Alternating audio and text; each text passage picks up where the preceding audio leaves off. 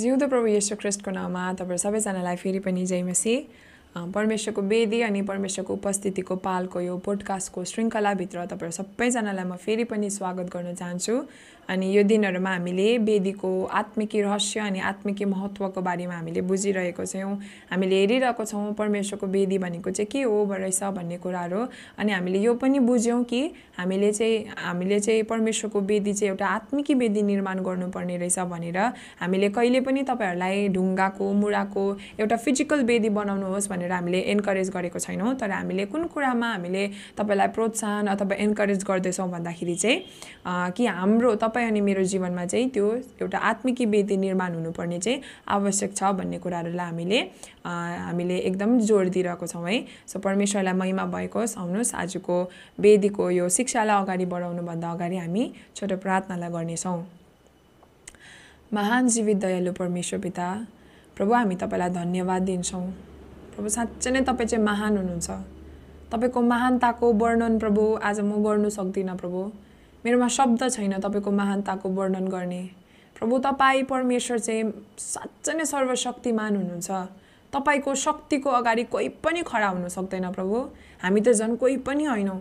हामी त तपाईँको अगाडि धुलोसरी पनि छैनौँ प्रभु तर पनि तपाईँ परमेश्वरले हामीलाई आफ्नो पुत्र कहलाइने प्रभु यो अधिकार तपाईँले हामीलाई दिनुभयो। तर पनि प्रभु तपाईँ परमेश्वरले भन्नुहुन्छ प्रभु एउटा बाटो दिनुभयो प्रभु तपाईँ परमेश्वर कहाँ आइपुग्नु प्रभु? किनकि हामी कहिले पनि योग्यको थिएनौँ। प्रभु हामी तपाईँलाई धन्यवाद दिन्छौँ। त्यो क्रुस चाहिँ हाम्रो निम्ति यस्तो वेदी भइदियो यस्तो एउटा ढोका भइदियो प्रभु जुन ढोकाबाट चाहिँ हामी तपाईँ परमेश्वरबाट कहाँ आउन सक्छौँ। तपाईँको त्यो महानताको भागीदार प्रभु हामी हुन सक्छौँ। प्रभु। हामी तपाईँलाई धन्यवाद दिन्छौँ। अनि यो दिनहरूमा प्रभु आज जस्तै यो वेदीको बारेमा हामीले सिकिरहेको छौँ। प्रभु हाम्रो प्रार्थना यही छ प्रभु। एट द एन्ड हामीले बुझ्नुपर्ने चाहिँ प्रभु हामी चाहिँ तपाईँसँग हुनुपर्छ अनि तपाईँको महिमालाई बुझ्नुपर्ने हो प्रभु। अनि साँच्चै नै यो सबै कुरा हामीले सिकिरहेको त एउटा साधन हो प्रभु। अनि तपाईँ परमेश्वरले हामीलाई सिकाउनु भएको चाहिँ एउटा एउटा राइट साधनबाट तपाईँ परमेश्वरबाट मा कसरी आइपुग्नुपर्छ भन्ने कुराहरूलाई तपाईँले सिकाउनु हुँदैछ प्रभु हामी तपाईँलाई धन्यवाद दिन्छौँ। जसै हामी सिक्दैछौँ प्रभु हामी त्यो बाटो हामी हिँड्न पनि सकौँ। प्रभु यो बाटोलाई यो साधनलाई प्रभु हामी साँच्चै नै हाम्रो जीवनमा प्रभु हामी युज पनि गर्न सकौँ भनी म प्रार्थना चढाउँछु। धन्यवाद प्रभु सबै कुराको लागि उब्रान्त सबै प्रिय पवित्र आत्मा तपाईँको हातमा समर्पण गर्छु। सबै कुरामा तपाईँले अगुवाई गर्नुहोस् भन्दै आशिष माग्छु। जिउँदो पवित्र आत्मा पिता पुत्र अनि पवित्र आत्माको नाउँमा। आमेन। हुन्छ? परमेश्वरलाई महिमा भएको होस् तपाईँहरू सबैजनालाई हामीले है यति बेसी अल्टरको बारेमा हामीले सिक्यौँ यति बेसी हामी अहिले एपिसोड सेभेन्टिनमा हामी आइपुगेको छौँ अनि अनि हामीले विगतको एपिसोडमा हामीले के सिक्दै थियौँ भने चाहिँ विगतको एपिसोडमा हामीले सिक्दै थियौँ कि कसरी हामीले क्रुसलाई चाहिँ डेली बोकेर हिँड्नुपर्ने रहेछ भन्ने कुराहरू अनि कसरी त्यो क्रुसलाई बोकेर चाहिँ हामी पवित्र स्थानमा चाहिँ डेली जानुपर्ने रहेछ भन्ने कुराहरू हामीले जान्दै थियौँ कि हाम्रो जीवनको हाम्रो हिँडाइ चाहिँ पवित्रताको तर्फ हुनुपर्ने रहेछ। अझै पवित्रतामा भित्र अगाडि बढ्नुपर्ने रहेछ भन्ने कुराहरू हामीले सुन्दै थियौँ अनि यो क्रुसलाई बोक्दै गर्दाखेरि चाहिँ हाम्रो जीवनमा कष्टहरू आउँछ। हामी कष्टको सहभागी नभइकन चाहिँ महिमा आउँदैन भन्ने कुराहरू हामीले बुझ्दै थियौँ विगतको दिनहरूमा। अनि साँच्चै नै त्यो कष्टलाई भोग्दै गर्दाखेरि चाहिँ प्रभुको महिमा आउँछ भन्ने कुराहरूलाई हामीले सिकिरहेको थियौँ है। सो त्यो महिमा भन्दै गर्दाखेरि महिमा चाहिँ के हो त? महिमा चाहिँ नि परमेश्वरको पवित्रताको प्रकटीकरण हो। अनि हामी सबैजनालाई याद छ पुजारीहरूले पनि नि त्यो दिन त्यो डे अफ अटोनमेन्टमा अटोन गर्नुको लागि उनीहरूले चाहिँ सबैभन्दा पहिला चाहिँ त्यो पवित्र स्थान अथवा परमेश्वरको वासस्थानलाई चाहिँ नि उनीहरूले त्यो रगतहरू लगेर त्यो छिर्किँदै गर्दाखेरि चाहिँ सबैभन्दा पहिला चाहिँ इजरायलहरूको पापहरू क्षमा हुन्थेन तर सबैभन्दा अगाडि चाहिँ के हुन्थ्यो भन्दै गर्दाखेरि त्यो त्यो ट्याबरनाकल चाहिँ पवित्र हुन्थ्यो। त्यो रगतले चाहिँ सेन्टिफाई गर्नुपर्ने हुन्थ्यो। पहिला चाहिँ सबैभन्दा पहिला चाहिँ उनीहरूले त्यो मन्दिरलाई चाहिँ पवित्र बनाउनु पर्ने हुन्थ्यो। त्यहाँदेखि मात्रै बादमा चाहिँ नि परमेश्वरको त्यो महिमा चाहिँ त्यो ठाउँमा ओर्लेर आउँथ्यो। सो हामी यो ठाउँबाट हामी के बुझ्न सक्छौँ भन्दाखेरि चाहिँ कि महिमा अनि पवित्रता चाहिँ सँगसँगै जानुपर्ने रहेछ। हाम्रो जीवनमा महिमा आउनका लागि चाहिँ हामी डेली हाम्रो क्रुसलाई बोकेर चाहिँ त्यो पवित्रताको सिद्धतामा हामी अगाडि बढ्नुपर्ने रहेछ भन्ने कुराहरू हामीले बुझिरहेको छौँ है। सो परमेश्वरलाई महिमा भएको होस् अनि आज म तपाईँहरूलाई एउटा यस्तो आज हामी एउटा यस्तो कुराहरूमा हामी हामी सिक्नेछौँ हामी जान्नु हामी जान्नेछौँ कि हाम्रो जीवनमा पनि हामीले हामीले धेरैपल्ट के हुन्छ भन्दाखेरि हाम्रो जीवनमा हामीले महिमालाई नै देख्दैनौँ। हामीले प्रभुको महिमा के हो कस्तो हो भन्ने कुराहरू हामी देख्न नै छोडिरहेको हुन्छौँ। धेरैपल्ट है हामी अगाडि अगाडि त महिमा देखेको हुन्छौँ तर पछाडि पछाडि धेरैपल्ट हामी जिउँदै आउँदाखेरि प्रभुको महिमा हाम्रो जीवनमा प्रकटीकरण भएको मेनिफेस्ट भएको नै हामी देख्न सक्दैनौँ। अनि बाइबलमा आज एउटा यस्तो खण्ड हामी हामी हेर्छौँ। बाइबलमा यस्तो एउटा खण्ड पनि हामी भेटाउँछौँ। हामी न्यायकर्ता छ अध्यायमा हामी हेर्छौँ भने त्यति बेला चाहिँ अब इजरायलीहरूकोमा चाहिँ के भइरहेको थियो भन्दाखेरि चाहिँ पाप बढिरहेको थियो। एउटा पुस्ता खडा हुन्थ्यो फेरि पनि पाप गर्थ्यो अनि प्रभुले एउटा नयाँ न्यायकर्तालाई ल्याउनुहुन्थ्यो। फेरि अर्को पुस्ता खडा हुन्थ्यो फेरि पनि पाप गर्थ्यो त्यो पुस्ताले फेरि पनि एउटा नयाँ न्यायकर्ता प्रभुले खडा गर्नुहुन्थ्यो। त्यसरी नै पाप गरिरहेको थियो पुस्ता अनि इजरायलीहरू चाहिँ यस्तो यस्तो यस्तो सिचुएसनमा आइपुगेको थियो। जुन सिचुएसनमा चाहिँ उनीहरूले केही रोप्दै गर्दाखेरि पनि नि उनीहरूले त्यो फल नै फल्थेन। उनीहरूले सा अलिकति केही रोप्यो भने पनि त्यहाँनिर मिदानीहरू आएर उनीहरूले लगि नै हाल्थ्यो। अनि उनीहरूको इजरायलीहरू बस्ने ठाउँमा आएर अरू अरू एमोरीहरू मिदानीहरू आएर चाहिँ आफ्नो बासस्थान त्यहाँनिर बनाएर आफ्नो टेन्टहरू त्यहाँनिर लगाएर उनीहरूको उनीहरूको सानो जीविका चलाउने उनीहरूको जति पनि गाई वस्तुहरू पनि उनीहरूले लुटेर लाने गर्थ्यो। अनि एकदमै मान्छेहरू चाहिँ हेल्पलेस भइरहेको थियो त्यति बेला इजरायलीहरू। अनि त्यो महिमा त्यहाँदेखिको चाहिँ के भएको छ भन्दाखेरि उनीहरूले परमप्रभु परमेश्वरसँग पुकारा गरेको छ। तपाईँले यो तपाईँले न्यायकर्ता छ अध्यायलाई राम्रोसँगले पढ्नु भयो भने त्यहाँनिर भेट्नु सक्नुहुन्छ। अनि त्यहाँनिर एउटा यस्तो व्यक्ति छ गिदोन भन्ने एउटा मान्छे छ। अनि त्यो गिदोनले त्यहाँनिर नि प्रश्न गरेको छ यस्तै सेम। मैले अघि तपाईँलाई भन्दै थिएँ कि खै त महिमा भन्ने कुराहरू हामी महिमा चाहिँ किन देख्दैन रहेछौँ त भन्ने कुराहरूलाई। अनि त्यहाँनिर गिदोन यहाँनिर तपाईँले न्यायकर्ता छको तेह्र अध्यायलाई म पढ्न गइरहेको छु। जहाँनिर एउटा परमेश्वरको दूत त्यहाँनिर खडा भएर गिदोनलाई भन्छ। गिदोनलाई के भनेको छ भन्दाखेरि चाहिँ साहसी मान्छे तिमीसँग चाहिँ परमप्रभु हुनुहुन्छ भनेर भन्दै गर्दा गिदोनले जवाब चाहिँ के दिएको छ भन्दाखेरि म तपाईँलाई पढ्न गइरहेको छु। न्यायकर्ता छको तेह्रलाई हामी हेर्छौँ भने बाह्र दिनमा पढ्दैछु। औ परमप्रभुका दूतले गिदोनलाई देखा परेर तिनलाई भने ती वीर मानिस हो होस् तिमी तँ वीर मानिस होस् र परमप्रभु तसँग हुनुहुन्छ। गिदोनले तिनलाई भने हजुर सुन्नुहोस् परमप्रभु साँच्चै नै हामीसँग हुनुहुन्छ भने त ती सबै किन हामी हामीलाई भएको? उहाँका ती सबै आश्चर्य कर्महरू के भए? जो हामीले आफ्ना पिता पुर्खाबाट सुनेका छौँ जसले भन्थे कि परमप्रभु कसरी हामीलाई मिश्र देशबाट निकालेर ल्याउनु भयो तर अब त परमप्रभुले हामीलाई त्याग्नु भएको छ र हामीलाई मिदानीहरूका हातमा सुम्पिदिनु भएको छ। सो आज यहाँनिर नि गिदोनले पनि परमेश्वरको दूतलाई यहाँनिर प्रश्न गर्दैछ खै त त्यो महिमा? पहिलानिर थियो यस्तो भएको थिएछ पहिला त उस्तो भएको थिएछ खै त त्यो महिमा? भन्ने कुराहरू नि यहाँनिर गिदोनले पनि प्रश्न गर्दैछ। आज तपाईँ अनि हामी तपाईँहरू जति कतिजना सेवक हुनुहुन्छ होला तपाईँहरू कतिजना है मण्डलीका जो जो पनि तपाईँहरू हेर्नुहुँदैछ आज तपाईँको हृदयमा पनि यस्तै प्रश्न हुनसक्छ। आज तपाईँ अनि हामीले पनि केही कुरा रोप्दै होलाौँ है? अनि मिदानीहरूले जसरी यहाँ इजरायलीहरूकोमा सानो सानो उनीहरूको जीविका चलाउने सबै कुराहरू पनि चोरेर लान्थ्यो। अझै उनीहरूकै जमिनमा आएर उनीहरू त्यही ठाउँमा आएर लुटेर डाकु झै लुकेर लुटेर जान्थ्यो। आज हाम्रो जीवनमा पनि हाम्रो मण्डलीमा हामीले प्रार्थना रोप्दै होला। युथ जवानहरूको बिचमा हामीले प्रार्थना रोप्दै होला। तर धेरैपल्ट हाम्रो जीवनमा पनि अहिले यही यही सिचुएसनबाट हामी तपाईँहरू पनि गइरहेको हुन सक्छौँ। है मिदानीहरूले जसरी आएर यहाँ इजरायलीहरूकोबाट लुटेर लान्थ्यो त्यसरी नै आज शत्रुले पनि हाम्रो प्रार्थनाहरू लुटेर लाँदै होला। हाम्रो धेरैवटा कुराहरू लुटेर लाँदै होला। हामी धेरैपल्ट हेल्पलेस फिल भइरहेको होला। खै त मैले यति प्रार्थना गरेँ खै त मैले यति बेसी प्रार्थनालाई रोपेँ खै त मैले यस्तो बेसी गर्दैछु ए फास्टिङ रोप्दैछु म यस्तो गर्दैछु तर पनि किन नभएको? त्यो महिमा चाहिँ किन देखा नपरेको? भन्ने कुराहरूलाई हाम्रो जीवनमा प्रश्न आउँदै होला है। तर आज यहाँनिर यो तपाईँको लागि पनि हुनसक्छ। यो मेरो लागि पनि हो परमेश्वरको वचन मेरो लागि पनि हो अनि तपाईँको लागि पनि हो। आज महिमा चाहिँ केले चाहिँ रोकिँदैछ त? महिमा महिमा चाहिँ किन चाहिँ आज हाम्रो चर्चमा आज हाम्रो मण्डलीमा आज हाम्रो परिवारमा चाहिँ त्यो महिमा चाहिँ किन चाहिँ आएको छैन रहेछ त भन्ने कुरालाई हामी आज बुझ्नेछौँ। अनि त्यो चाहिँ किन हो भन्दै गर्दाखेरि नि यहाँनिर परमप्रभुले यो गिदोन भन्ने मान्छेलाई खडा गर्नुभयो।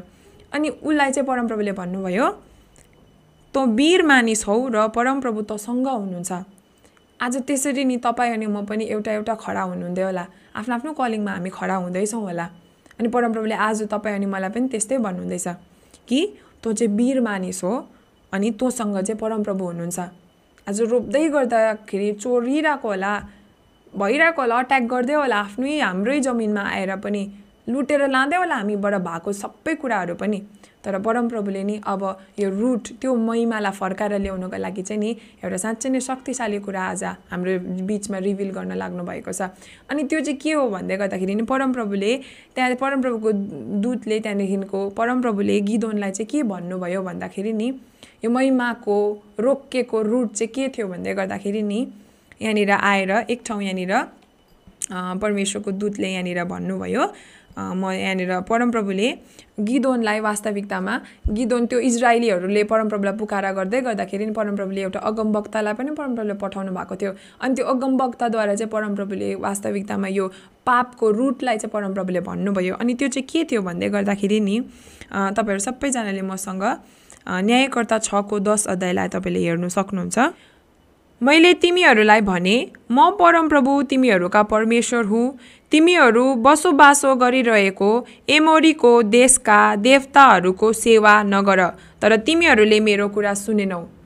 आज नि इजरायलहरूलाई परमप्रभुले भन्नुभएको थियो कि कुनै पनि फरेन फरेन गड्सहरूलाई चाहिँ सर्भ नगर्नु अथवा कुनै पनि परमप्रभु बाहेक अरू कुनै पनि मूर्तिहरूलाई अथवा अन्य देशको परमेश्वरहरूलाई चाहिँ नपुज्नु अन्य देशको गड्सहरूलाई चाहिँ नपुज्नु भनेर परमप्रभुले भन्नुभएको थियो वर्सिप नगर्नु भनेर भन्नुभएको थियो।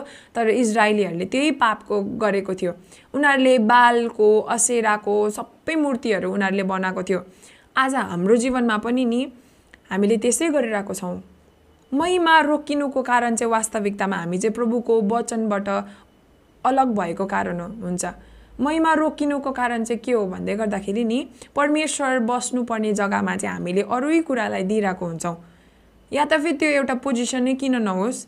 या त फेरि त्यो एउटा धन किन नहोस्? या त फेरि त्यो एउटा सानो फर्गिभनेस किन नहोस्? या त फेरि त्यो किन सानो एउटा इगो एउटा जेलसी एउटा है शरीरको कुरा होस्? आज संसारले ल्याएको कुराहरूलाई चाहिँ नि परमप्रभु भन्दा माथि हामीले राखिरहेको हुन्छौँ त्यो ठाउँमा। अनि त्यो सानो कुरा हामीले परमेश्वर बस्नुपर्ने सिंहासनमा हामीले त्यो कुरालाई चाहिँ राखेको कारणले गर्दाखेरि नि तपाईँ अनि हाम्रो जीवनमा धेरैपल्ट चाहिँ के भइरहेको हुन्छ भन्दाखेरि महिमा रोकिरहेको हुन्छ। अनि यति बेला इजरायलीहरूको खास कारण चाहिँ के थियो भन्दाखेरि नि महिमा रोकिने कारण उनीहरूको ठाउँमा चाहिँ नि अन्य अन्य देवी देवताहरूले चाहिँ राज गरिरहेको थियो। उनीहरूको जीवनमा अथवा उनीहरूको देशमा चाहिँ के भइरहेको थियो भन्दाखेरि चाहिँ बाल अनि असेराको वेदीहरू बनिएको थियो त्यो मूर्तिहरू त्यो ठाउँमा बनिएको थियो। अनि परमप्रभुले नि के भन्नुभयो भन्दाखेरि नि गिदोनलाई सबैभन्दा पहिला परमप्रभुले के भन्नुभयो भन्दाखेरि हामी न्यायकर्ता छको पच्चिस अध्यायमा हामी हेर्नेछौँ अनि हामी पढ्नेछौँ।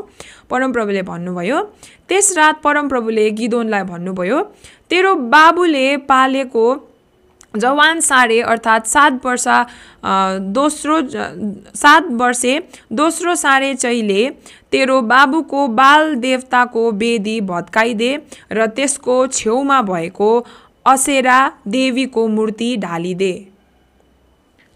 सबैभन्दा परमप्रभुले सबैभन्दा पहिला परमप्रभुले गर्नु भनेको चाहिँ के थियो भन्दाखेरि गिदोनलाई बाल अनि असेराको बालको वेदीलाई चाहिँ भत्काउनु पर्ने थियो। अनि असेराको वेदीलाई चाहिँ नि तोडिदिनु पर्ने थियो नाश गरिदिनु पर्ने थियो। असेराको मूर्तिलाई चाहिँ नाश गरिदिनु पर्ने थियो हेर्नुहोस् ल। बालको बालसँग छेउमै चाहिँ कसको मूर्ति थियो? असेराको मूर्ति पनि थियो। अनि यो परमप्रभुले चाहिँ के भन्नुभयो भन्दाखेरि सबैभन्दा पहिला चाहिँ यिनीहरूलाई भत्काइदे। आज तपाईँ अनि मलाई पनि परमप्रभुले यही भन्नुहुन्छ। आज यदि तपाईँ अनि मेरो जीवनमा आज तपाईँ अनि मेरो मण्डलीमा आज तपाईँ अनि मेरो परिवारमा आज परमप्रभुको महिमा आउनु हो भने चाहिँ नि तपाईँ अनि मेरो जीवनमा पनि यो बाल अनि असेराको वेदी यिनीहरूको मूर्तिहरू चाहिँ भत्किनु जरुरी छ।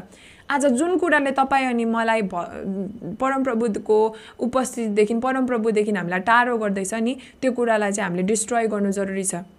हामीले एकदमै भत्काउनु जरुरी छ। अपरुट गर्नु जरुरी छ। टियर डाउन गर्नु जरुरी छ।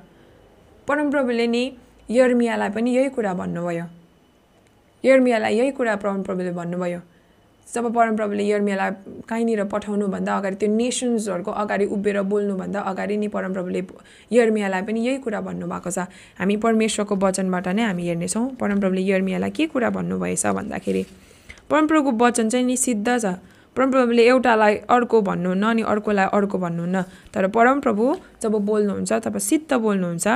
अनि परमप्रभुले यर्मियालाई पनि यही कुरा भन्नुभयो कि पहिला चाहिँ ती तैँले गएर डिस्ट्रोय गरिदे पहिला चाहिँ तैँले गएर अप्रुभ गरिदे पहिला चाहिँ तैँले गएर टियर डाउन गरिदे पहिला चाहिँ तैँले गएर त्यो सबै कुरालाई नि पुल डाउन गरिदिए भनेर परमप्रभुले भन्नुभयो। यर्मिया एकको दसलाई म पढ्न गइरहेको छु जहाँ यस्तो लेखेको छ हेर उखाल्ने उखाल्न र भत्काउन नाश गर्न र भत्ताभुङ्ग पार्न। नाश गर्न र भत्ताभुङ्ग पार्न बनाउन र स्थापित गर्न मैले आज तँलाई जाति जातिहरू र राज्य राज्यहरूमाथि नियुक्त गरेको छु। हामेन आजको यो वचन नि मेरो लागि पनि हो। आजको यो वचन तपाईँहरू जतिजना सुन्नुहुँदैछ यो वेदीको शिक्षालाई यो सबैजनाको लागि हो। आज परमप्रभुले तपाईँ अनि मलाई अझ अघि जस्तै गिदोनलाई साहसी छस् भन्नुभयो नि परमप्रभु तेरो साथमा हुनुभयो हुनुहुन्छ भन्नुभयो नि अब परमप्रभुले नि त्यो हरेक बाल अनि असेराको वेदीलाई भत्काउनको निम्ति चाहिँ तपाईँ अनि मलाई वास्तविकतामा खडा गर्नुभएको छ वास्तविकतामा चुन्नु भएको छ। अनि परमप्रभुले यर्मियालाई पनि यसै नै भन्नुभयो पहिला चाहिँ हामीले के गर्नु जरुरी रहेछ उखाल्नु जरुरी रहेछ पहिला चाहिँ त्यहाँदेखिको भत्काउनु जरुरी रहेछ भत्काउनु पर्ने कुराहरू। अनि परमप्रभुले यहाँनिर के भन्नुभयो भन्दाखेरि नाश गर्नुपर्ने कुराहरू नाश गर्नुपर्ने रहेछ।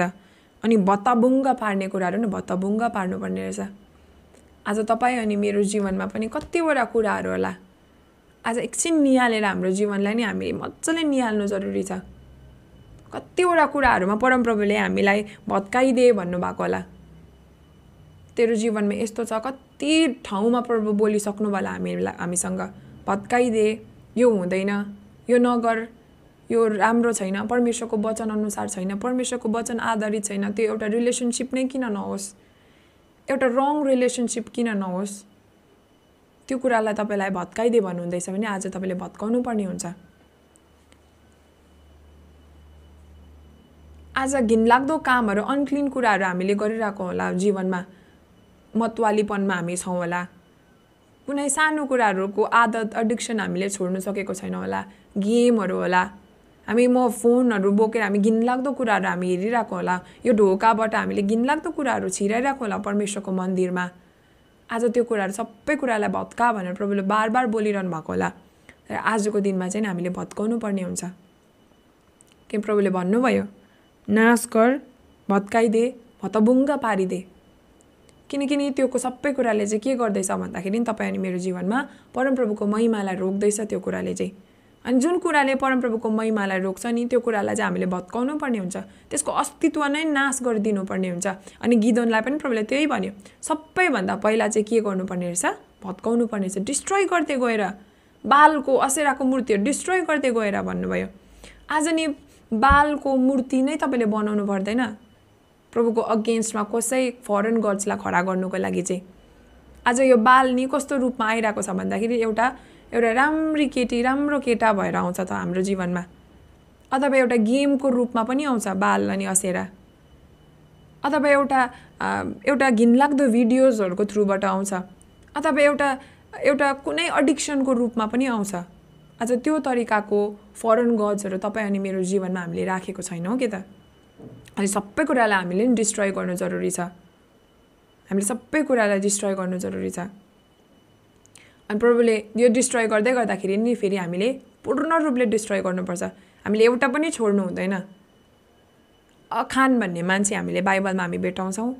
त्यो मान्छेले चाहिँ के गरेको थियो भन्दाखेरि नि त्यो मान्छेले चाहिँ एउटा एउटा प्रभुले चाहिँ भन्नुभएको थियो तिमीहरूले चाहिँ गएर चाहिँ अब सबै कुरा डिस्ट्रोय गरिदिए भत्काउने कुराहरू भत्काइदिए सबै कुरा डिस्ट्रोय गरिदिए अनि एउटा पनि नछोड तिमीहरूले भनेर प्रभुले भन्नुभएको थियो। अनि के भयो भन्दै गर्दाखेरि नि त्यो अखानले चाहिँ के गरेछ भन्दै गर्दाखेरि चाहिँ सानो एउटा मूर्ति चाहिँ सुनको दामी मूर्ति चाहिँ उसले नि पोको पारेर लुकाएर भित्र राखेछ। अनि भोलिपल्ट उनीहरू उनीहरू इजरायलीहरू उनीहरू गयो फेरि लडाइँमा अनि उनीहरू त्यो लडाइँमा जाँदै गर्दा हार्यो। अन्त कसरी हार्यो भनेर नि प्रभुसँग नि यो उसुले प्रश्न गरेको छ प्रभु हामी कसरी हार्यौँ? तपाईँले त हामीलाई विजय दिनुको लागि बोलाउनु भएको थियो। हामी कसरी हाल्यो? अन्त प्रभुले भन्नुभयो तिमीहरू मध्ये एकजना यस्तो मान्छे छ जसले चाहिँ यस्तो पाप गरेको छ यस्तो पाप लुकाएर राखेको छ भनेर प्रभुले त्यहाँनिर देखाउनु भयो। अनि त्यो सबैजना छान्दै जाँदाखेरि लास्टमा अखानले त्यस्तो पाप गरिरहेको रहेछ। जुन कुरा प्रभुले भत्काउनु भन्नुभएको छ नि त्यो कुरा चाहिँ हामीले टोटल्ली भत्काउनै पर्छ है। एज अ गिफ्ट भनेर राख्नु हुँदैन हामीले। ए सम्झनाको लागि राख्छु भनेर हामी धेरैपल्ट त्यस्तो गर्छौँ नि है।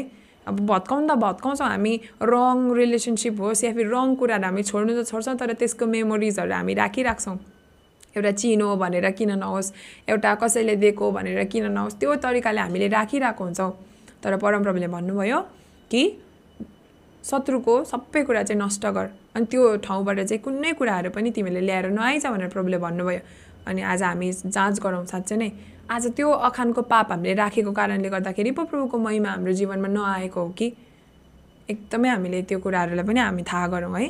अनि सो हामीले अब एकपल्ट डिस्ट्रोय गरिसकेपछि चाहिँ अब के गर्ने त? प्रश्न त्यहाँनिर पनि आउँछ। अनि यो डिस्ट्रोय गर्दै गर्दाखेरि नि आज हामीले हाम्रो हामीले नि डिस्ट्रोय गर्दै गर्दाखेरि हामीले यो के बुझ्नु जरुरी छ भन्दाखेरि नि पहिलो नियममा चाहिँ के हुन्थ्यो भन्दाखेरि ओल्ड टेस्टामेन्टमा चाहिँ साँच्चै नै मान्छे त्यहाँनिर मर्थ्यो। पुजारीहरू मरेको छ पुजारीको छोराहरू त्यहाँनिर मरेको छ प्रभुको मन्दिरमा उनीहरूले गलत धुपहरू चढाउँदै गर्दाखेरि पुरा मन परमेश्वरको मन्दिरमा उनीहरूले घिनलाग्दो कामहरू गर्दै गर्दाखेरि प्रभुको बलिदानहरूसँग नि उनीहरूले प्रभुको बलिदानलाई चाहिँ उयो होप्नी अनि फेनियासले एलीको छोराहरूले प्रभुको बलिदानसँग गर्दै थियो उनीहरूले। प्रभुलाई चढाएको बलिदानलाई चाहिँ उनीहरूले आफ्नै भन्दै थियो उनीहरूले जेसुकै गर्दै थियो। अनि त्यो गर्दै गर्दाखेरि चाहिँ नि प्रभुले नि मार्नु भएको छ। उनीहरू सिधै मरेको छ त्यहाँनिर उनीहरू मारिएको छ। धेरैजनाहरू मारिएको छ परमेश्वरको वचनमा हामी भेटाउँछौँ। त के आज हामी हामीले जीवनमा हामीले परमेश्वरको मन्दिर त हामीलाई परमप्रभुले भन्नुभएको छ भने अनि हामी पनि प्रभुको मन्दिरमा खेलाइची गर्दै गर्दा हामी त मरेको छैनौँ त? प्रश्न आउँछ नि है। तर म तपाईँलाई भनिदिउँ आज हामी हो लिटरली हामी शरीरमा मर्दैनौँ तर आत्मामा मर्छौँ। आत्मामा मरिसकेको होला हामी कतिजना। मरि पनि रहेको छौँ होला कसै मर्नु आँट्नु भएको छ होला? तर म तपाईँलाई भनिदिउँ शरीरमा मर्नुभन्दा बेसी डरलाग्दो कुरा चाहिँ नि आत्मामा मर्नु शरीर त मरेपछि एकपल्ट मरेको मरेकै हुन्छ तर आत्मा चाहिँ अनन्तताको लागि हो। आत्मामा मर्नु भनेको चाहिँ एकदमै डरलाग्दो कुरा हो। सो आज हामी यो अल्टरको टिचिङमा हामी आउँदै गर्दाखेरि हामी यो पनि जानौँ। हाम्रो आत्मालाई मर्नुबाट हामी बचाउनु जरुरी छ। अनि त्यो मर्नुबाट आत्मालाई मर्नुबाट बचाउनु हो भने चाहिँ नि हामीले हाम्रो जीवनमा भएको यो सबै अखानको पापहरू देला बालको जति पनि कुराहरू छ परमेश्वरको सिंहासनमा आउने कुराहरू परमप्रभुको ठाउँलाई ओगट्ने कुराहरूलाई चाहिँ हामीले भत्काउनु पर्ने जरुरी छ। हामीले डिस्ट्रोय गर्नुपर्ने हुन्छ। सो अनि यो डिस्ट्रोय गरेपछि चाहिँ नि त्यहाँदेखिका हामी हामी के गर्नुपर्छ भन्ने कुराहरू नि हामी यहाँनिर अघि फेरि पनि म तपाईँलाई यर्मिया एकको दसलाई नै म पढ्न चाहन्छु। त्यहाँदेखि परमप्रभुले के भन्नुभयो भन्दा हेर उखाल्न र भत्काउन नाश गर्न र भत्ताबुङ्ग पार्न अनि सुन्नुहोस् है अनि बनाउ र बनाउन र स्थापित गर्न। And to build and to plant मैले आज तँलाई जाति जातिहरू र राज्य राज्यहरूमाथि नियुक्त गरेको छु। आमेन सो हाम्रो जीवनमा हामीले भत्काउँछौँ सबै कुराहरू भत्काउँछौँ भत्का भत्कायौँ। तर नि धेरैपल्ट हामीले के गऱ्यौँ भन्दै गर्दाखेरि अब यति बेला तपाईँ अनि हाम्रो कतिजनाको जीवनमा भत्ताबुङ्ग भइरहेको होला। अब के गर्नु भन्ने कुराहरू हामी हामी प्रश्न पनि आइरहेको होला है। कतिजना यस्तो सिचुएसनमा पनि हामी हुनसक्छौँ कि अब म त कहाँ प्रभुबाट यति बेसी टाढो गइसकेँ अब त हुँदैन। अब मैले त प्रभुलाई मैले यति बेसी मेरो पाप यति बेसी पापको भाडो भरिसक्यो अब त हुँदैन भन्ने कुराहरू हाम्रो जीवनमा प्रश्न पनि आउँछ होला। तर अहिलेसम्म हामीले नि अल्डरको टिचिङमा हामीले यही कुरा सुन्दैथ्यौँ कि वेदी चाहिँ एउटा नयाँ ढोका हो। अथवा वेदी चाहिँ वेदीबाट चाहिँ एउटा नयाँ सुरुवात हुन्छ। वेदी चाहिँ एउटा ढोका हो। वेदी चाहिँ एउटा क्रुस हो। अनि त्यो क्रुसले चाहिँ नि पितासँग रिकन्साइल गर्ने काम गर्छ। पितासँग जोड्ने काम गर्छ भन्ने कुराहरू हामीले अहिलेसम्म बुझिसकेको बुझिरहेको छौँ। सो म भनिदिउँ तपाईँहरूलाई तपाईँहरू निराश नहुनुहोस्। सो म भनिदिउँ तपाईँहरूलाई एउटा गुड न्युज म तपाईँहरूलाई लिएर आएको छु है। त्यो चाहिँ के छ भन्दा गर्दाखेरि हाम्रो वेदी चाहिँ पुनर्स्थापना हामीले गर्न सक्छौँ। हाम्रो वेदी चाहिँ नि पुनर्निर्माण गर्नुपर्ने हुन्छ। हाम्रो भत्केको वेदीहरूलाई अब हामीले पुनर्स्थापना गर्नुपर्ने हुन्छ पुनर्निर्माण गर्नुपर्ने हुन्छ रिबिल्ड गर्नुपर्ने हुन्छ। आज तपाईँहरू कतिजना हार्नुभयो होला परिस्थितिले हार्यो होला फ्यामिली प्रेसर भयो होला कतिवटा के के भयो होला जिउनु सक्नु भएन होला। पवित्रतामा जिउँछु भन्दै भन्दाखेरि शत्रुको चालले गर्दाखेरि डेम्टेसनले गर्दाखेरि हामी बाटोबाट अर्कै बाटो हामी हिँडी पठायौँ होला। तर आज नि एउटा कुरा भनिदिउँ कि अब चाहिँ हामीले बिल्ड गर्नुपर्ने हुन्छ। हाम्रो भत्केको वेदीलाई नै हामीले नि अब रिबिल्ड गर्नुपर्ने हुन्छ। बनाउनु पर्ने हुन्छ। अनि गिदोनलाई पनि परमप्रभुले के भन्नुभयो भन्दाखेरि अब बालको वेदी हटाएर चाहिँ के गर? अब मेरो निम्ति वेदी चाहिँ तैँले त्यो ठाउँमा स्थापित गर।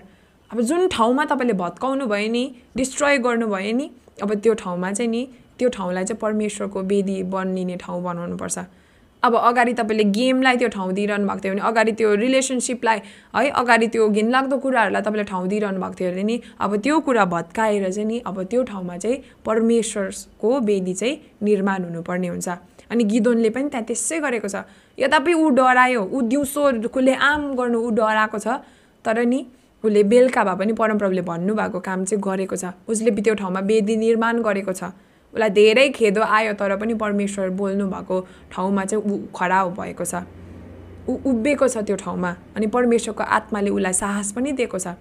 आज नडराउनुहोस् तपाईँले आफ्नो वेदीलाई निर्माण गर्दै गर्दा ला म फेरि पापमा जान्छु होला के गर्छु होला?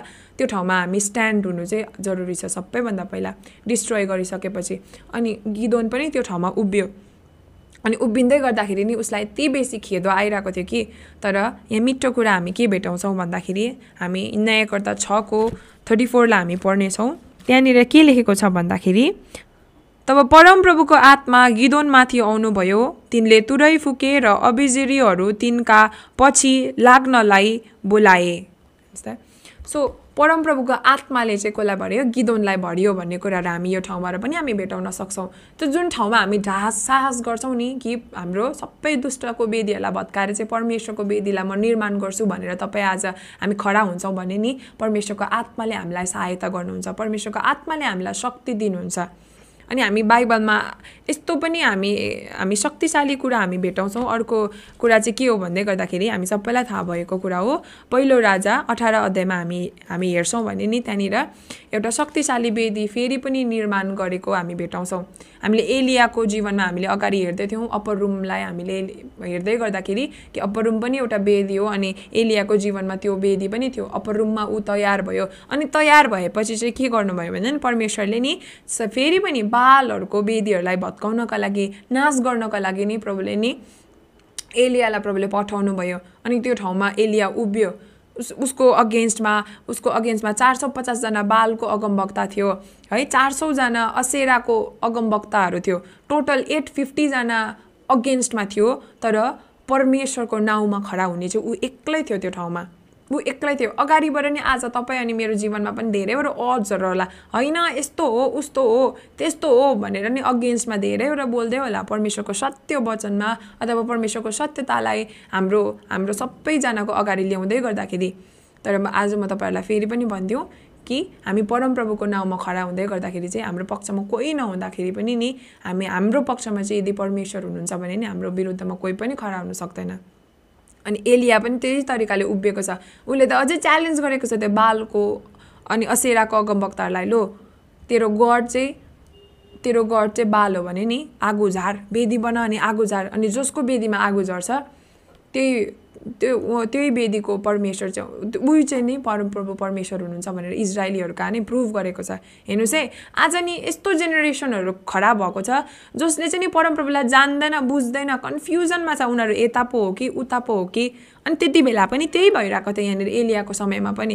कन्फ्युजनमा थियो ला प्रभु हुनुहुन्छ कि को को? अनि एलियाले नि यो ठाउँमा नि वेदी निर्माण गरेर चाहिँ प्रुभ गर्दैछ। वेदीमा आगो झारेर चाहिँ नि उसले प्रुभ गरेको छ। नो कि he is the right one he is the god परमेश्वर सर्वशक्तिमान परमप्रभु नै परमेश्वर हुनुहुन्छ भनेर नि त्यो ठाउँमा नि एलियाले नि एउटा एउटा उसलाई प्रुभ पनि गरेको छ त्यो जेनेरेसनलाई आजको जेनेरेसन पनि त्यस्तै छ। अनि एलियाले त्यो ठाउँमा नि रिपेयर गरेको छ। हामी परमेश्वरको वचनबाट हामी पढ्नेछौँ। पहिलो राजा अठारको तिसदेखि म पढ्न चाहन्छु। तब एलियाले सबै मानिसहरूलाई भने म कहाँ आऊ? तिमीहरू सबै आए र भत्काए भत्काइदिएको परमप्रभुको वेदीलाई तिनले फेरि मरम्मत गरे। आमेन। औ परमप्रभुको वचनद्वारा इजरायल नाउँ राखिएका याकुबका छोराहरूको प्रत्येक कुलको निम्ति एक एक गरी बाह्रवटा ढुङ्गा तिनले ल्याए। ती ढुङ्गाहरू ल्याए तिनले परमप्रभुको नाउँमा एउटा वेदी बनाए। तिनले त्यस वेदीको वरिपरि दुई माना जति बिउ जाने ठुलो खराल खने सो यहाँनिर नि के गरेको छ भन्दाखेरि एलियाले चाहिँ के गर्यो? परमप्रभुको यहाँनिर हामीले सुन्दै थियौँ अठारको थर्टीमा कि प भत्किएको वेदीलाई चाहिँ नि फेरि पनि उनीहरूले मर्मत गर्यो अरे। फेरि पनि निर्माण गर्यो अरे। भनेपछि त्यो वेदी अलरेडी बनिएको थिएछ नि त। आज तपाईँ अनि मेरो जीवनमा पनि हामीले हाम्रो जीवनमा वेदी बनिएको थियो होला है। प्रभुसँग तपाईँ सम्बन्धमा गइरहनु हुँदै थियो होला। प्रभुसँग तपाईँ हिँड्नु हुँदै थियो होला। प्रभुसँगको त्यो सम्बन्धमा तपाईँ हुनुहुन्थ्यो होला। तर परिस्थितिको कारणले धेरैवटाको कारणले गर्दाखेरि तपाईँको वेदीहरू है डिस्ट्रोय भएको थियो होला।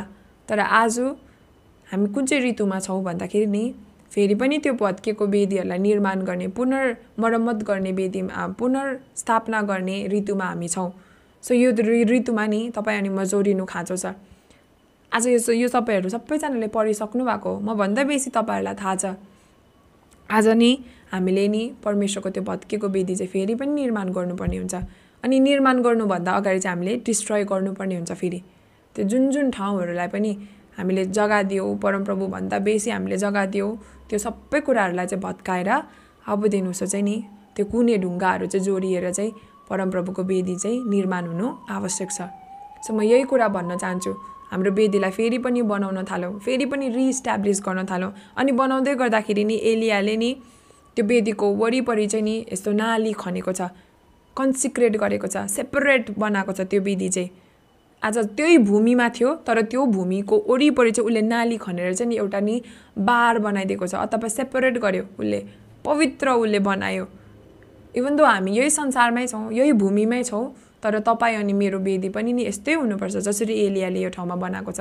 कन्सिक्रेटेड एउटै भूमिमा रहँदै रहँदै पनि नि तपाईँ अनि मेरो वेदीलाई हेर्दै गर्दाखेरि चाहिँ नि पवित्र हुनु जरुरी छ। सो आज म यही कुरा इन्करेज गर्न चाहन्छु। अनि एट द एन्डमा तपाईँहरूलाई के भन्न चाहन्छु भन्दा हामी यति बेसी वेदीको शिक्षा हामीले लियौँ मैले अगाडिदेखि भनेँ मैले पनि भनेँ तपाईँहरूले पनि सुन्नुहुँदै थियो। हामी सबैजनाले बुझ्यौँ बुझ्यौँ कि वेदी चाहिँ परमप्रभुलाई सबैभन्दा पहिलो स्थान दिनु हो। वेदी भनेको चाहिँ के हो? अनि पहिलो वेदी कहाँनिर थियो? वेदी भनेको चाहिँ एउटा नयाँ सुरुवात हो। वेदी भनेको एउटा ढोका हो। वेदीले क्रुसलाई बुझाउँछ अनि क्रुसबाट चाहिँ हामी फेरि पनि क्रिससँग जोडिएर चाहिँ हामी नयाँ सृष्टि भएकाहरू हौँ भन्ने कुराहरू हामी सबैजनाले हामीले बुझ्यौँ। हाम्रो जीवनमा एउटा स्पिरिचुअल अल्टर हुनुपर्ने रहेछ। अनि यही ढोका यो चाहिँ राइट ढोका रहेछ अनि यो ढोकाद्वारा चाहिँ हामी छिर्न सक्छौँ प्रभुको उपस्थितिमा। अनि यो यो बाटोद्वारा चाहिँ परमप्रभुले काम गर्नुहुन्छ। एउटा राइट वे हो भन्ने कुराहरू पनि हामीले बुझ्यौँ। तर नि प्रश्न चाहिँ के छ भन्दै गर्दाखेरि नि हामीले यत्रो बेसी हामीले वेदीको शिक्षालाई लियौँ तर के तपाईँ अनि मेरो जीवनमा त्यो आत्मिकी वेदी निर्माण भयो के त? के हाम्रो यो यो परमेश्वरको वचन चाहिँ सुनाइसम्म मात्रै सीमित भएन के त? के तपाईँ अनि मैले ज्ञानको लागि मात्रै यो कुराहरू हामीले सिकिरहेको छैनौँ के त। ए अरू कसैलाई भन्नुको लागि अरू कुनै सर्मनमा भन्नुको लागि अब त कसैलाई सुनाउनुको लागि मात्रै भएन के त। आज ज्ञानको लागि मात्रै भयो भने चाहिँ नि हामी आदम अनि हवा जस्तै हुन्छौँ। हामी परमेश्वरको वचनलाई सुन्दै गर्दाखेरि चाहिँ नि जीवनमा भएर जीवनलाई जसरी आदम अनि हावाले ज्ञानको मात्रै पछाडि लाग्दै गर्दाखेरि नि उनीहरूले जीवनलाई नि त्यहीँनिर छोडिदियो। ज्ञानको पछाडि मात्रै लाग्दै गर्दा तर आज म तपाईँहरूलाई भनिदिउँ परमेश्वरको आत्मा चाहिँ जीवन हो भनेर प्रभुको वचनले भन्छ अनि त्यही आत्मामा रहेर यदि हामीले यो वचनलाई सुन्यौँ सिक्यौँ अनि हाम्रो जीवनमा प्र्याक्टिस गऱ्यौँ भने चाहिँ नि पक्का परमप्रभुको शक्तिशाली वेदी चाहिँ हाम्रो जीवनमा निर्माण हुन्छ। अनि आज नि यदि तपाईँ अनि मेरो जीवनमा हामीले सुनाइसँग मात्रै सीमित राख्यौँ भने चाहिँ नि केही फाइदा नै छैन। प्रभुले भन्नुभयो एक ठाउँ आएर है हामी परमेश्वरको वचनलाई हामी पढ्नेछौँ। मती सोह्र अध्यायमा हामी निकाल्नेछौँ। मती सोह्रको चौध कोही मेरो पछि आउने इच्छा गर्दछन् भने उसले आफूलाई इन्कार गरोस् र आफ्नो क्रुस उठाएर मेरो पछाडि लागोस्। जुन कुराहरू हामीले सिकिरहेको छौँ है। किनकि जसले आफ्नो प्राण जोगाउने इच्छा गर्ला त्यसले त्यो गुमाउनेछ तर जसले आफ्नो प्राण मेरो निम्ति निम्ति गुमाउला त्यसले त्यो पाउनेछ। किनकि साह्रै पृथ्वी प्राप्त गरेर आफ्नो प्राण चाहिँ गुमाउँछ भने मानिसले के लाभ मानिसलाई के लाभ हुनेछ? अथवा आफ्नो प्राणको बदलामा मानिसले के देला र? किनकि मानिसको पुत्र आफ्नो पिताको महिमा आफ्ना दूतहरूसित महिमामा आफ्नो दूतहरूसित आउनेछ र त्यस बेला उसले हरेक मानिसलाई त्यसको कामअनुसार प्रतिफल दिनेछ। सो यहाँनिर यीशु ख्रिस्टले के भन्नुभयो भन्दै गर्दाखेरि नि सि मेरो पछाडि लाग्नेहरूले चाहिँ आफ्नो क्रुसलाई बोकाओस् अनि दिनु। त्यो क्रुसलाई बोकेर चाहिँ मेरो पछाडि लागोस् फलो गरोस् मलाई भनेर यीशु ख्रिस्टले भन्नुभयो। जुन कुरा हामीले यो दिनहरूमा सिकि पनि रहेको छौँ। सो हामी पनि त्यस हामी यहाँनिर यीशु ख्रिस्टले भन्नुभयो सारा पृथ्वी नै हात पारेर पनि आत्मा गुमायो भने के लाभ? त्यो आत्माको बदलिने हामीले के दिनु सक्छ हामीले रिपेयर रिपे चाहिँ के गर्नु सक्छ पेमेन्ट केही पनि छैन। तपाईँ अनि मेरो आत्मा गुम्यो भने नि परमेश्वरलाई दिनको लागि हाम्रोमा पेमेन्ट केही पनि छैन। पृथ्वी सबै तपाईँ एउटा अर्थको किङ नै किन नहुनुहोस्? प्रभु म तपाईँलाई सबै अर्थ दिन्छु नि भन्यो भने पनि प्रभुले त्यो आत्मा दिनुहुन्न यदि हामीले आत्मा गुमायौँ भने। सो हामीले यत्रो अल्टरको टिचिङ्सलाई हामीले लियौँ। म एउटै कुरा भन्न चाहन्छु यो हाम्रो सुनाइसम्म मात्रै सीमित नहोस्। आज तपाईँ अनि मेरो जीवनमा यो वेदी चाहिँ निर्माण हुनुपर्छ अनि निर्माण हुनु जरुरी पनि छ अनि निर्माण भएको होस् भनेर मेरो प्रार्थना पनि यही छ है। सो आजदेखि उसो। यदि अहिलेसम्म पनि हामी सुनिरहेको छौँ भने हामीले हामी पनि त्यही हुन्छ। हामी पनि ज्ञानको पछाडि भाग्ने मात्रै अनि हामी पृथ्वीलाई मात्रै हातमा पार्दै गरेको हुन्छौँ। हाम्रो आत्मा चाहिँ वास्तविकतामा घुमिरहेको हुन्छौँ। हामीले वचनलाई हामीले देहमा ल्याएनौँ भने चाहिँ। सो प्रभुलाई महिमा भएको होस्। अहिलेसम्म हामीले वेदीको शिक्षालाई सुन्यौँ हामीले जान्यौँ हामीले बुझ्यौँ। वेदी भनेको के रहेछ? अनि कसरी चाहिँ फेरि पनि हामीले पुनर्स्थापना गर्नुपर्ने रहेछ वेदीसँग वेदीको बे हाम्रो भत्केको वेदीहरूलाई पनि पुनर्स्थापित गर्नुपर्ने रहेछ भन्ने कुरालाई हामीले बुझ्यौँ। परमेश्वरको विरुद्धमा हामीले बनाएको त्यो धराराहरूलाई हामीले भत्काउनु पर्ने रहेछ। परमेश्वरको विरुद्धमा परमेश्वरको सिंहासनमा हामीले अरू कुरालाई बालको विभिन्न तरिकाको मूर्तिहरूलाई चाहिँ भत्काउनु पर्ने रहेछ। यदि हामीले त्यो ठाउँलाई चाहिँ हामीले त्यो कुरालाई दिइरहेको छौँ भने भन्ने कुराहरू हामीले राम्रोसँगले हामीले बुझेको छौँ। सो प्रभुलाई महिमा भएको होस् अनि मेरो प्रार्थना यही छ कि हाम्रो जीवनमा पनि यो आत्मिकी वेदी चाहिँ निर्माण भएको होस् भनेर है। सो आउनुहोस् आजको यो वेदीको शिक्षालाई हामी यही ठाउँमा हामी राख्नेछौँ अनि हामी प्रार्थनालाई गर्नेछौँ। हामी सबैजना आँखा चिम गरेर हामी प्रार्थना गरौँ अनि हामी साँच्चै नै प्रभुलाई भनौँ। प्रभु मेरो जीवनमा भत्किनु पर्ने कुराहरू भत्कियोस् अनि साँच्चै नै प्रभु अब म फेरि पनि यो वेदीद्वारा तपाईँसँग म जोडिँदैछु। फेरि पनि मेरो जीवनलाई त्यो अलाइनमेन्टमा ल्याउँदैछु। तपाईँको उपस्थितिमा तपाईँले दिनुभएको टेरिटोरीमा प्रभु म फेरि पनि ल्याउँदैछु भनेर नि यो वेदीलाई आज हामी साँच्चै नै फेरि पनि पुनर्स्थापना हामी गर्न थालौँ। हाल लुया परमप्रभु तपाईँ हाम्रो पिता हुनुहुन्छ। तपाईँले हामीलाई जहिले पनि प्रभु तपाईँले हामीलाई हाम्रो बाटोलाई हेरिरहनु भएको छ। प्रभु हाम्रो जिवाई हाम्रो उठाइ हाम्रो सुता हाम्रो बसाइ तपाईँको अगाडि खुलस्त छ पिता। हामी मानिसलाई छल्न सक्छौँ हामी मानिसलाई ढाँट्न सक्छौँ हामी मानिसलाई हाम्रो मुखको बोलीले प्रभु हामी मक्खै पार्न सक्छौँ। तर तपाईँको अगाडि हामी कसरी लुक्नु प्रभु? तपाईँको अगाडि हामी कसरी ढाँट्न सक्छौँ प्रभु? तपाईँको अगाडि त अन्धकार पनि प्रभु अन्धेरो छैन प्रभु। आज तपाईँको अगाडि त हाम्रो हृदय यति बेसी खुलस्त छ। मान्छेलाई हेर्नु हुँदै गर्दाखेरि तपाईँले हाम्रो बाहिर रूपलाई हेर्नुहुन्न। हामी बाहिरी कसरी एक्ट गर्दैछौँ त्यो हेर्नुहुन्न तर हाम्रो हृदयभित्रको विचारलाई हेर्नु हुने परमेश्वर त तपाईँ हुनुहुन्छ। प्रभु मेरो प्रार्थना यही छ। अहिलेसम्म हामीले वेदीको यो शिक्षालाई सुन्यौँ। प्रभु हाम्रो जीवनमा पनि प्रभु कसैको जीवनमा पनि प्रभु यो शिक्षा चाहिँ प्रभु सुनाइसम्म मात्रै सीमित नहोस्। तर साँच्चै नै अब दिन उसो चाहिँ हामी त्यो सम्बन्धमा प्रभु हामी अगाडि बढ्न चाहन्छौँ। प्रभु म प्रार्थना गर्छु आज जस्तै हामीले सुन्यौँ हाम्रो जीवनमा डिस्ट्रोय हुनुपर्ने कुराहरू डिस्ट्रोय भएको होस् अप्रुड भन्ने कुराहरूलाई अप्रुड गरिदिनुहोस् प्रभु। प्रभु भत्तभुङ्ग हुने कुराहरू भत्तभुङ्ग भएको होस् प्रभु। आज त्यो सामर्थ्य दिनुहोस्। आज साँच्चै नै प्रभु म प्रार्थना गर्नु चाहन्छु आज यो शिक्षालाई जतिजनाले पनि सुन्छ प्रभु प्रभु यो सुन्दै गरेको यो शिक्षाले चाहिँ साँच्चै नै उनीहरूको जीवनमा पनि प्रभु त्यो अखानको पापहरूलाई प्रभु तपाईँको अगाडि एक्सपोज गर्न सकोस्। प्रभु एक्सपोज गरेको होस् आजको यो वचनले चाहिँ शत्रुले त्यो बाल प्रभु जुनै रूपमा प्रभु हाम्रो जीवनमा आइरहेको छ भने पनि प्रभु त्यसले ल्याएको पर्दाहरूलाई चाहिँ प्रभु आज तपाईँको वचनले चाहिँ च्यातिएको होस् च्यातिदिएको होस् प्रभु भनी म प्रार्थना गर्छु प्रभु। हाम्रो हृदयको पर्दाहरूलाई च्यातिदिनुहोस् ताकि हामी देख्न सकौँ हामी भित्र चाहिँ कुन चाहिँ वेदी बनिएको छ कसको मूर्ति चाहिँ हामीले त्यो ठाउँमा राखिरहेको छौँ भनेर प्रभु। अनि म प्रार्थना गर्छु त्यो मूर्तिलाई भत्काउने सामर्थ्य दिनुहोस्। साहसी तपाईँले बनाउनुहोस् प्रभु। साहसी तपाईँ परमेश्वरले हामीलाई बनाउनुहोस् भनी म प्रार्थना गर्छु प्रभु। मेरो प्रार्थना छ पिता।